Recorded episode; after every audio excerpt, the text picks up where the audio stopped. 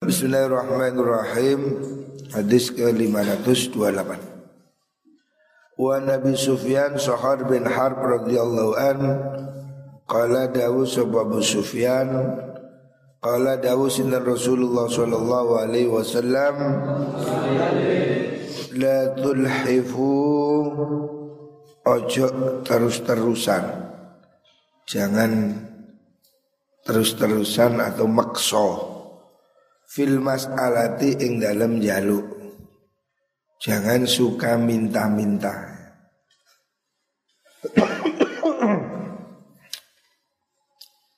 Jangan kamu minta dengan maksa, minta dengan apa? terus menerus.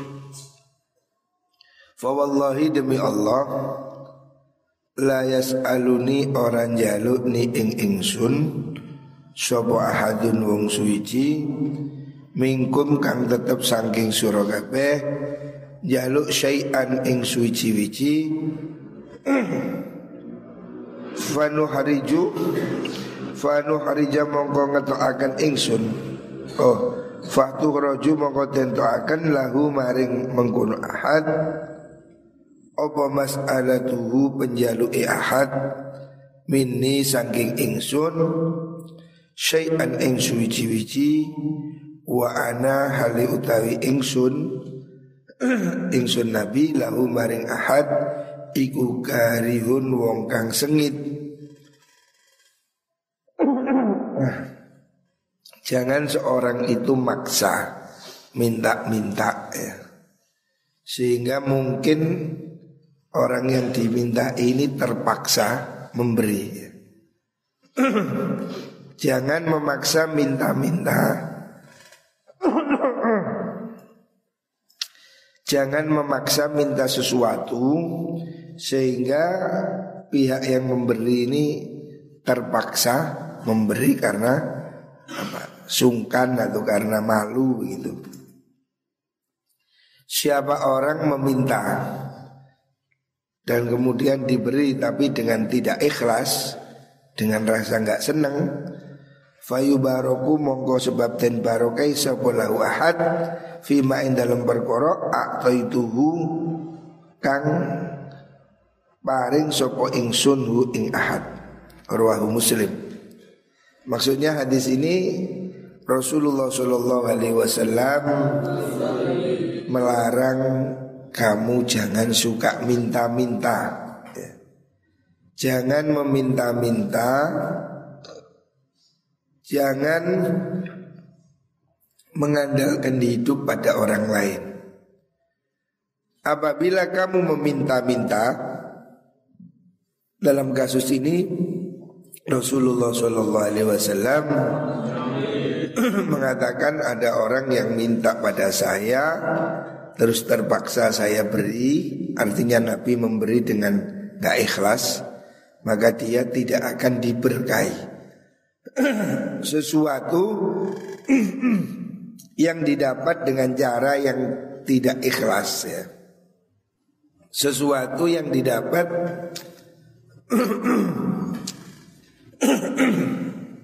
dengan cara minta-minta di mana orang yang memberi itu nggak ikhlas ya. ya kadang kita itu kan nggak beri karena nggak enak gitu kan seperti di bis di bis ada orang ngamen biasanya. Kadang kita berinya itu kan gak ikhlas. Karena orangnya sambil ngasih omplong Sambil bawa apa Wadah sambil mendelik Kita kan memberi tapi tidak ikhlas. Atau orangnya ini terus sehingga kita terpaksa memberi.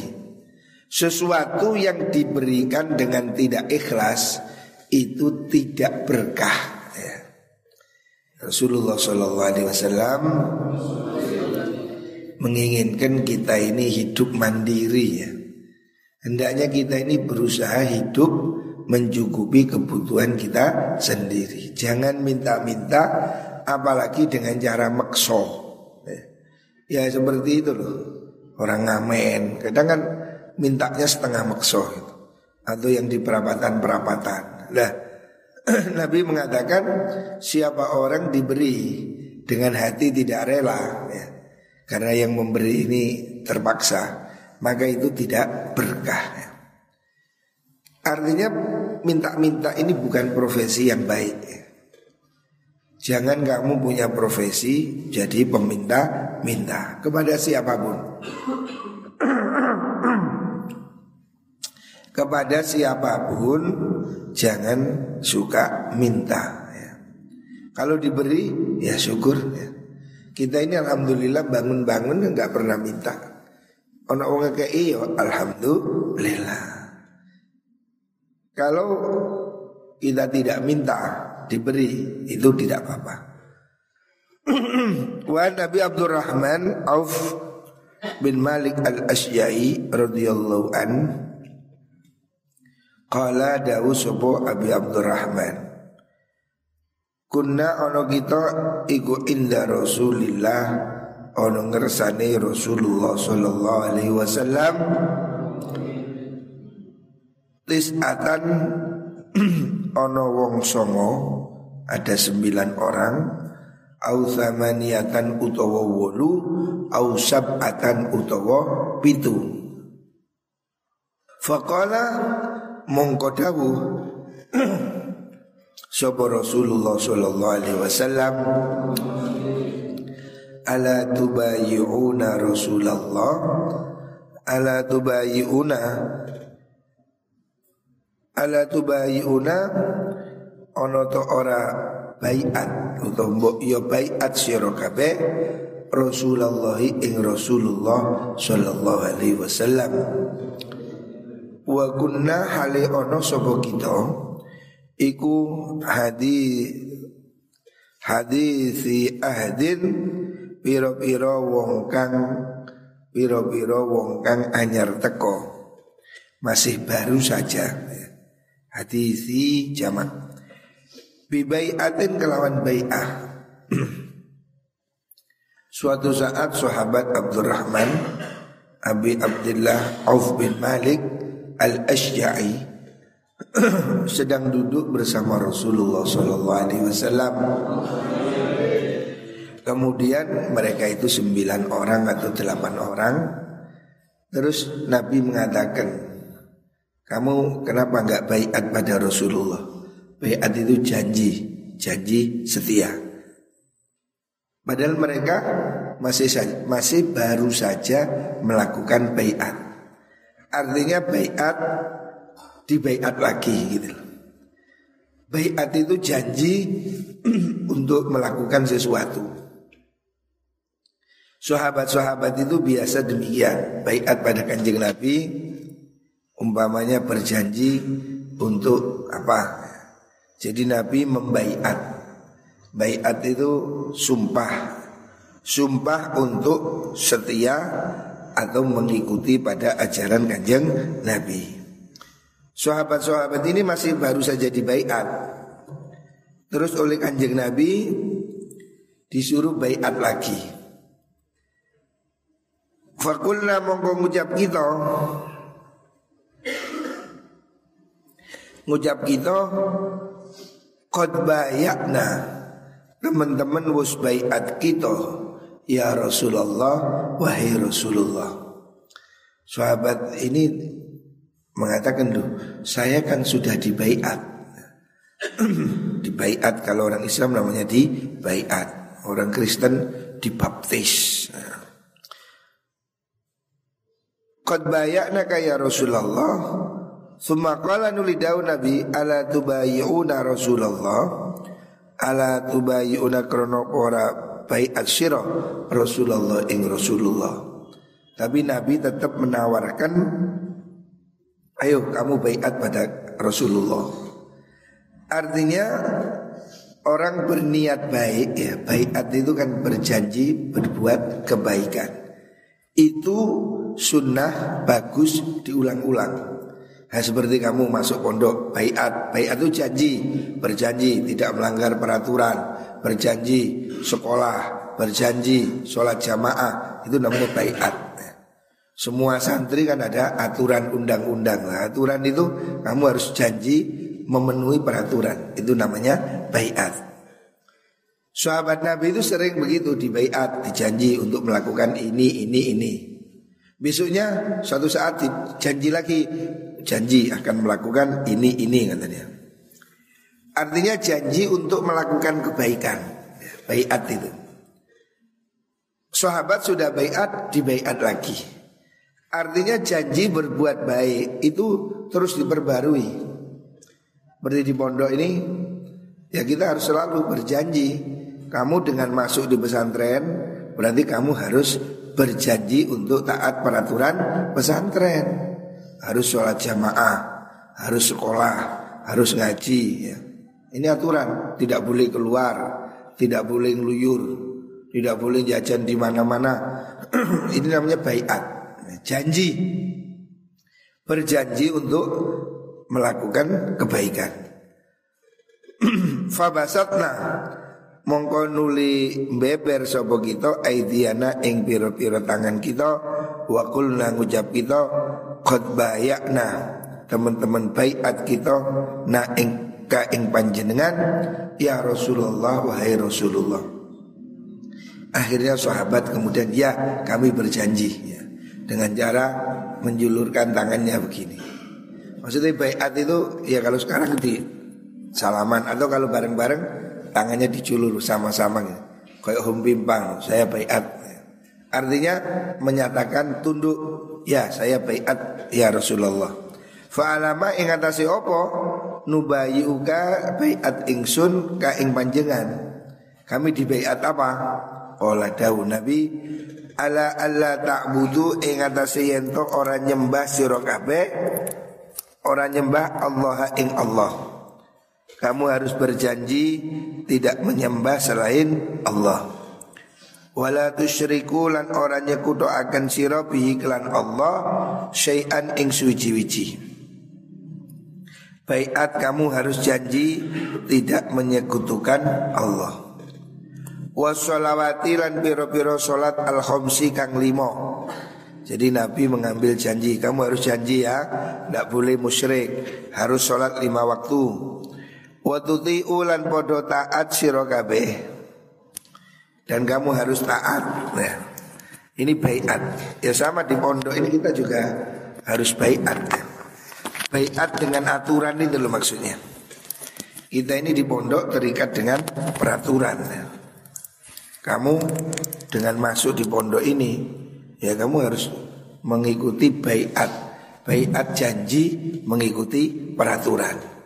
Zaman Nabi juga begitu. Sahabat-sahabat itu dibaiat, kamu janji ya, janji. Ngulurkan tangan, janji. Saya akan begini, saya begini. Jadi Nabi mendoktrin sahabat untuk terus jadi baik. Kamu harus janji baiat satu, harus sholat lima waktu, tidak boleh menyekutukan Allah. Terus harus taat. Jadi di mana pun pemimpin ini harus ditaati. Makanya Rasulullah Shallallahu Alaihi Wasallam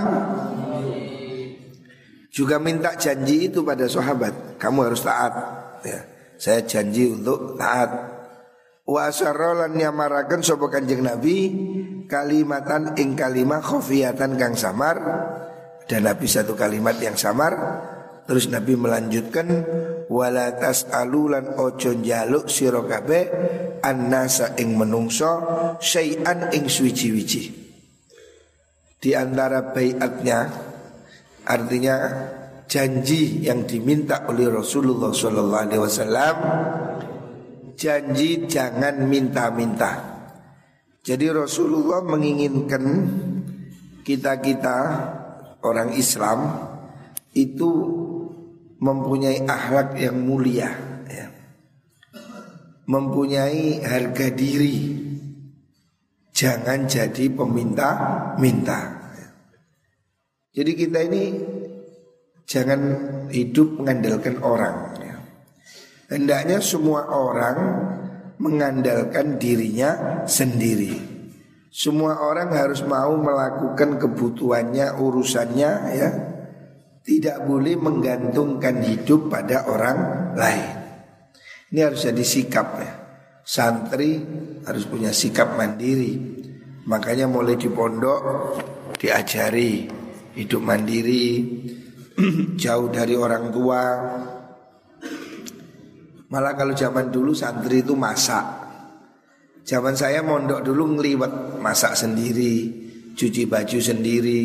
Hari ini santri manja, makan, tinggal makan, cuci pakai laundry. Zaman dulu ndak ada laundry itu. Saya dulu mondok ya, tidak ada laundry pada zaman saya. Santri itu memang identik dengan kemandirian.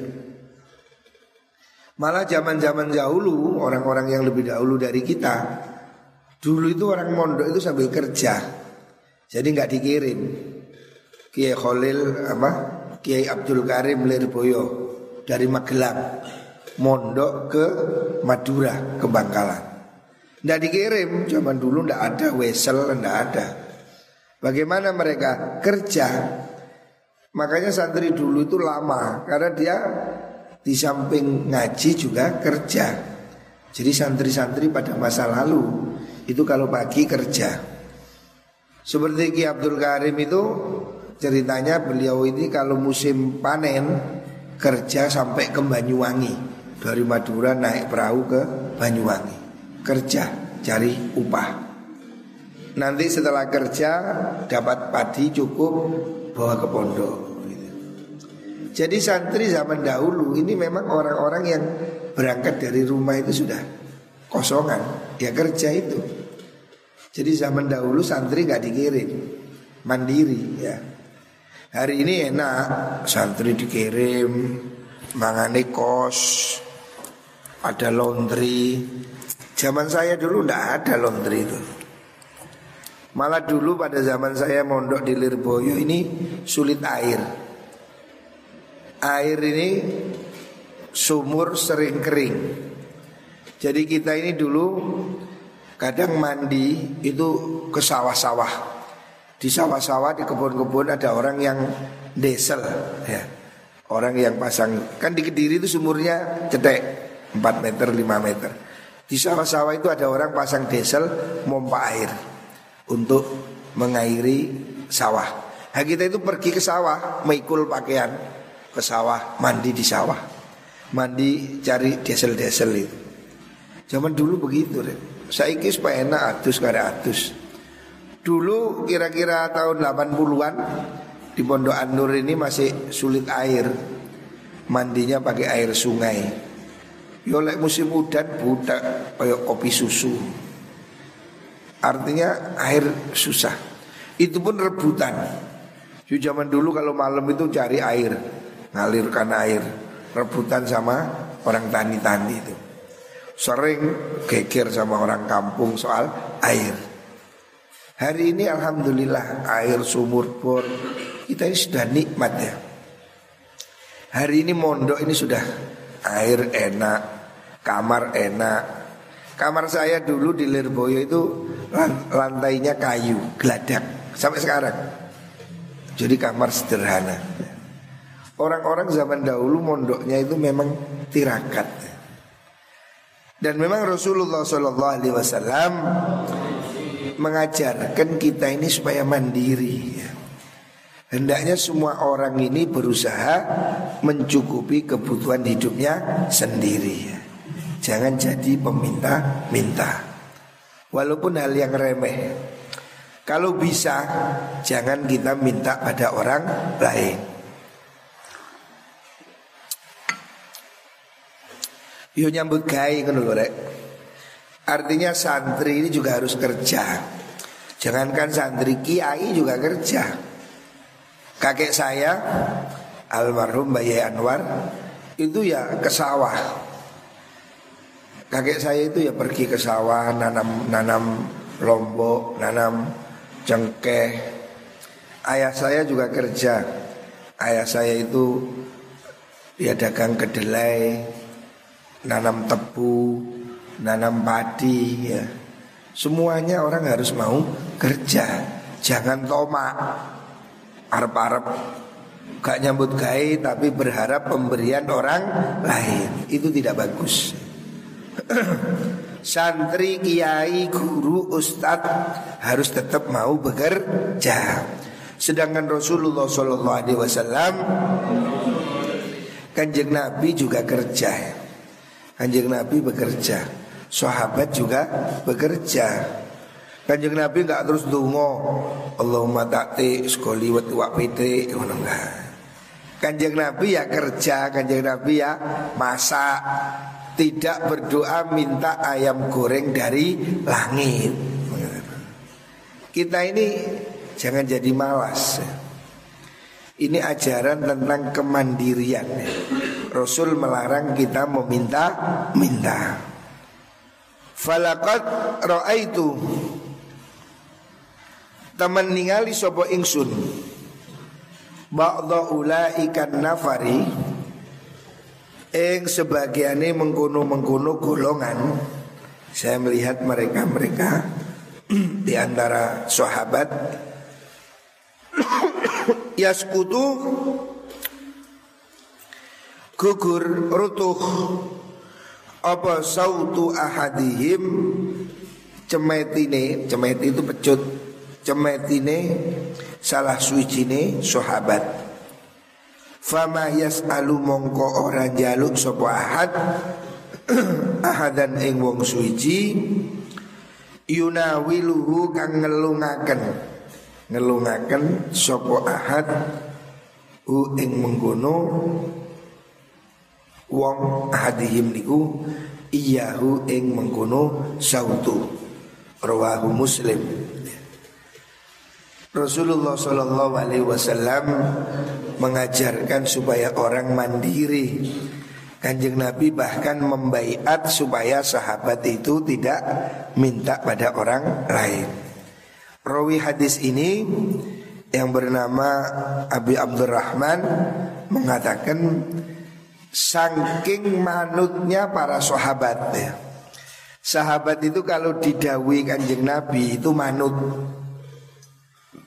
Kalau didawi Nabi itu diperhatikan. Begitu Nabi menjanji mereka tidak boleh minta-minta. Maka sahabat itu sampai tidak mau minta tolong orang lain untuk hal yang remeh. Misal di sini dicontohkan, kalau dia naik onta atau naik kuda, pecutnya jatuh, pecut jatuh, pecut tahu pecut, cemetinya itu loh. Jadi kalau dia naik kendaraan, cemetinya jatuh, jor sepedaan kontaki rutuh. Dia tidak mau minta tolong orang, dia turun diambil sendiri. Jadi sahabat Nabi itu betul-betul manut pada ajaran kanjeng Nabi. Nggak suka nyuruh orang. Sampai seandainya dia itu naik kuda, pecutnya jatuh. Kan gampang toh, tolong ambilkan pecut. Pecut kan sesuatu yang enteng. Itu mereka nggak mau. Dia turun ambil sendiri. Karena mereka tidak ingin minta tolong pada orang lain. Ini contoh ya Betapa luar biasa Sahabat Nabi ini sangat luar biasa Didawi Nabi Manutnya ini luar biasa Begitu Nabi dawuh jangan minta-minta Sampai minta ngambil cemeti aja nggak mau Ngambil sesuatu yang enteng Menyuruh orang itu nggak mau Karena itu dianggap sebagai minta pada orang lain kalau bisa, kalau bisa, kita ini seperti itu. kalau bisa lakukan semua pekerjaan dengan diri kita sendiri. Untuk hal-hal yang pribadi umbah-umbah umpamane atau apa yang bisa kita lakukan ya. Biasakan kita ini berbuat. Jangan males, jangan mengandalkan orang lain. Termasuk bersihkan kamar itu loh. kamar-kamarmu sendiri Jangan nunggu orang lain ya Setiap hari kamarmu harus bersih Jeding-jeding ya Kamu harus mau bersihkan jeding itu, itu pahala ya Jangan sampai jedingnya bumpet Bahkan dulu ayah saya ya Ini contoh yang saya lihat Kalau liburan Ayah saya itu habis sholat subuh begini Turun ke bawah bersihkan jeding itu. Ayah saya sendiri, tangannya sendiri, saya lihat. saya diajak. Di kalau pondok liburan jamaah di pondok timur Habis jamaah itu ayah saya, ayah mudun, saya diajak turun. Bersihkan jeding-jeding itu botol-botol sabun, botol-botol sampo, kadang ada nasi, itu dibersihkan sendiri sama ayah saya. Bayangkan, ayah saya seorang kiai itu mau bersihkan jedingnya santri. Lalu kamu santri nggak mau sombong, kamu jangan jadi orang sombong. Ayah saya itu, saya tahu sendiri, saya ikut. Jadi ayah saya itu habis subuh gitu ngajak turun ke bawah. Jeding-jeding dibersihkan sendiri sama ayah saya. Ya itu betapa menunjukkan kerendahan hati, keikhlasan. Mbak Anwar juga begitu. Mbak Anwar itu kalau setiap pagi jalan, umpamanya ada apa kotor-kotor itu dibersihkan sendiri sama Mbak Anwar. Sampai kadang-kadang tamu itu nggak tahu kalau itu Mbak Anwar. Kadang tamu tanya, ya iya tempundi. Dikira Mbak Yanwar tukang kebun. Saking sederhananya. Bahkan dulu Saya masih kecil itu punya Kakek saya itu belikan kelinci Bukan kelinci, marmut. Marmut ngerti marmut? Yang kelinci tidak ada kupingnya itu. Saya punya kelinci kandang di depan rumah sana. Itu kan ada yang ngarit santri. Kalau dilihat gak ada rumputnya Mbak Yanwar itu ngerumput sendiri jadi Mbak Yanwar itu ngambil arit Dicarikan rumput di pinggir jalan Dimakan sendiri. Seorang kiai bayangkan. Jadi itu ajaran Saya lihat wah luar biasa. Ayah saya, kakek saya Beri contoh. Makanya kita ini harus biasa begitu ya. Biasakan berbuat ya. Jangan menunggu diperintah orang lain. Kamu kejeding kotor Bersihkan. Niat nulung ya Ingat di mana pun kita berbuat baik Walaupun tidak dilihat oleh manusia Pasti dilihat oleh Gusti Allah. Apa yang kita lakukan dilihat oleh Allah? Cukup. Cukup Allah yang melihat amal kita Ya. Jangan kita nunggu dilihat orang lain. Kalau kita bisa berbuat ya. Semampunya Kalau bisa dengan uang Dengan uang. Kalau bisa dengan tenaga Dengan tenaga ini contoh-contoh ya. Betapa sahabat juga seperti itu. Wa Nabi Amr radhiyallahu an anna Nabi sallallahu alaihi wasallam qala dawu sapa Nabi la tazalu. Ora leren-leren. Opo al mas'alatu jaluk? Ya. Mengemis ya. La tazalu ora leren-leren. Opo al mas'alatu jaluk bi ahadikum kalan sholat suci sira kabeh. Hatta yalqa sehingga ketemu sapa ahad Allah ing Gusti Allah. Walaisalan ora ono iku fi wajhi ing dalem wajahi ahad. Apa miz'atul lahmin muz'atul tugelane daging. Ini satu peringatan dari Rasulullah Sallallahu Alaihi Wasallam Orang itu kalau selalu minta-minta Apabila seseorang itu selalu minta-minta Maka dia nanti di akhirat bertemu Allah Wajahnya nggak ada dagingnya. Artinya wajahnya tidak ada dagingnya itu Ulama menafsiri sangat hina. Atau memang betul-betul tidak ada dagingnya Jadi wajahnya kerowak Orang minta itu mestinya malu ya Malu minta Makanya orang yang tukang ngemis, tukang minta-minta Padahal dia itu punya Maka besok wajahnya ini kerowak Artinya menunjukkan itu sangat jelek, sangat tercelah. Wajahnya tidak ada dagingnya Mengerikan. Hadis ini sahih muttafaqun alaih Al mus'ah utai maknani mus'ah bi dhammil mim kelan dhammai mim wa kasri zai lan kasroe za. Wa bil aini lan kelawan ain al muhmalati kang orat dan titik al qit'atu yaiku tugelan. Maksudnya di wajahnya tidak ada sepotong daging pun ya Maksudnya ini ajaran dari Rasulullah Shallallahu Alaihi Wasallam. Ini peringatan supaya kita itu jangan minta-minta ya. Kalau tidak butuh nemen ya, kecuali kalau butuh ya. Kalau butuh memang sangat butuh silahkan. Tetapi jangan menjadikan ngemis sebagai profesi ya. Sebab mengemis itu jelek di dunia juga jelek, di akhirat juga jelek ya. Jangan seneng profesi ngemis. Sebab ada orang yang profesi ngemis itu ada. Di Madura saya dengar ada satu desa yang semua penduduknya ini profesi yang ngemis. Di Jakarta, di Surabaya, jadi mereka itu semua ngemis. Desanya bagus, mereka punya rumah, punya sapi, tapi mereka nggak kerja, kerjanya ngemis itu ada bosnya. Pernah saya lihat di koran di Surabaya itu ada bos pengemis atau raja pengemis. Jadi dia ini yang merekrut karyawan dari desa. Jadi orang-orang Madura itu dibawa ke Surabaya, dikasih rumah, ditampung, dikasih makan. Setiap pagi dibagi.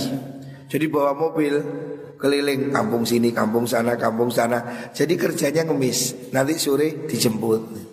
Itu ada pengusaha perusahaan ngemis. Jadi ada orang yang menjadikan ngemis itu profesi. Ini sering sindikat di Jakarta juga ada anak kecil-kecil itu dikoordinir untuk ngemis. Ada lagi yang sewa bayi. Jadi orang itu bayinya disewakan untuk ngemis. Karena orang kalau bawa bayi ngemis kan kasihan. Itu bukan bayinya sendiri.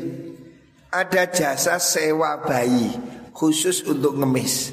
Jadi di jembatan bawa bayi terus gitu. Nah itu terus dapat uang, dapat uang terus. Jadi memang ngemis itu profesi. Ada yang pura-pura kakinya ditembel supaya kelihatan apa patah. Padahal itu nggak patah. Saya pernah lihat di YouTube itu orang kakinya buntung. Ternyata kakinya ditekuk. Ada kelihatan seperti buntung. Nah, seperti ini loh yang tidak boleh. Minta-minta dijadikan sebagai profesi. Ini ini ada ya. Saya sering dengar ini kapan hari Jakarta juga ada pengemis bawa mobil. Jadi dia punya mobil Avanza, diparkir jauh, ganti pakaian ngemis. Pulang naik mobil, kena Lah ini ini yang bahaya ini tidak boleh tidak boleh menjadikan mengemis sebagai profesi. Itu hina ya, jangan ngemis. Ada orang yang modus ngemis itu, banyak itu. Ada yang modusnya bawa proposal. Jadi ke mana-mana bawa proposal, itu palsu proposalnya. Saya sering kalau sudah saya lihat ada orang koploan ini, ha ini orang Madura, desa ini saya sudah tahu. Begitu masuk dari anu ya, desa ini ya, bingung kan? Iya, kok tahu pak? Iya tahu lah. Bapak saya tahu itu sak desa pengemis. Ada yang ngemisnya pakai proposal. Tidak tahu proposal dari mana. Pokoknya ya, wanu itu proposal. Masjid lah, apalah, apalah. Tapi itu banyak yang palsu. Makanya kalau kita mau nyumbang jelas-jelas saja. Seperti ini, ini jelas. Nah, daripada diberikan orang yang di jalan-jalan. Kadang itu palsu. Ada di Pasuruan. Ini juga anu apa perusahaan proposal. Jadi kalau ada orang bangun masjid didatangi, kamu bangun masjid ya minta proposalnya bagi hasil. Jadi ini dibawa proposal asli ini proposal ada stempel dan lain-lain buat cari uang. Tapi 50-50 kalau dapat sak juta 500 500. Ada yang lebih gila lagi sistem setoran. Is pokoknya proposal ini minta berapa satu bulan satu juta ya sudah jualan dia dia dapat 10 juta bayarnya satu juta jadi proposal itu cuma modus dibuat. Jadi ada ada orang yang sifatnya begitu. Jadi setoran. Ada orang bangun masjid diminta proposal setor bulanan satu juta. Oh sini dia cari uang ke mana-mana. Ya mungkin dapat 10, dapat 15 Diambil semua. Masjid cuma dikasih satu juta. Ini tidak boleh ya. Itu pencurian. Tidak boleh. Memprofesikan proposal itu tidak boleh. Itu cara ngemis ya berkedok masjid. Jangan sampai ya. Ini banyak sekarang profesi ngemis ini. Ini dilarang oleh Rasulullah SAW. Hendaknya kita itu bekerja yang benar, bekerja yang baik, jangan jadi peminta-minta. Muka kita diberi rizki yang barokah, diberi kecukupan, tidak sampai minta-minta.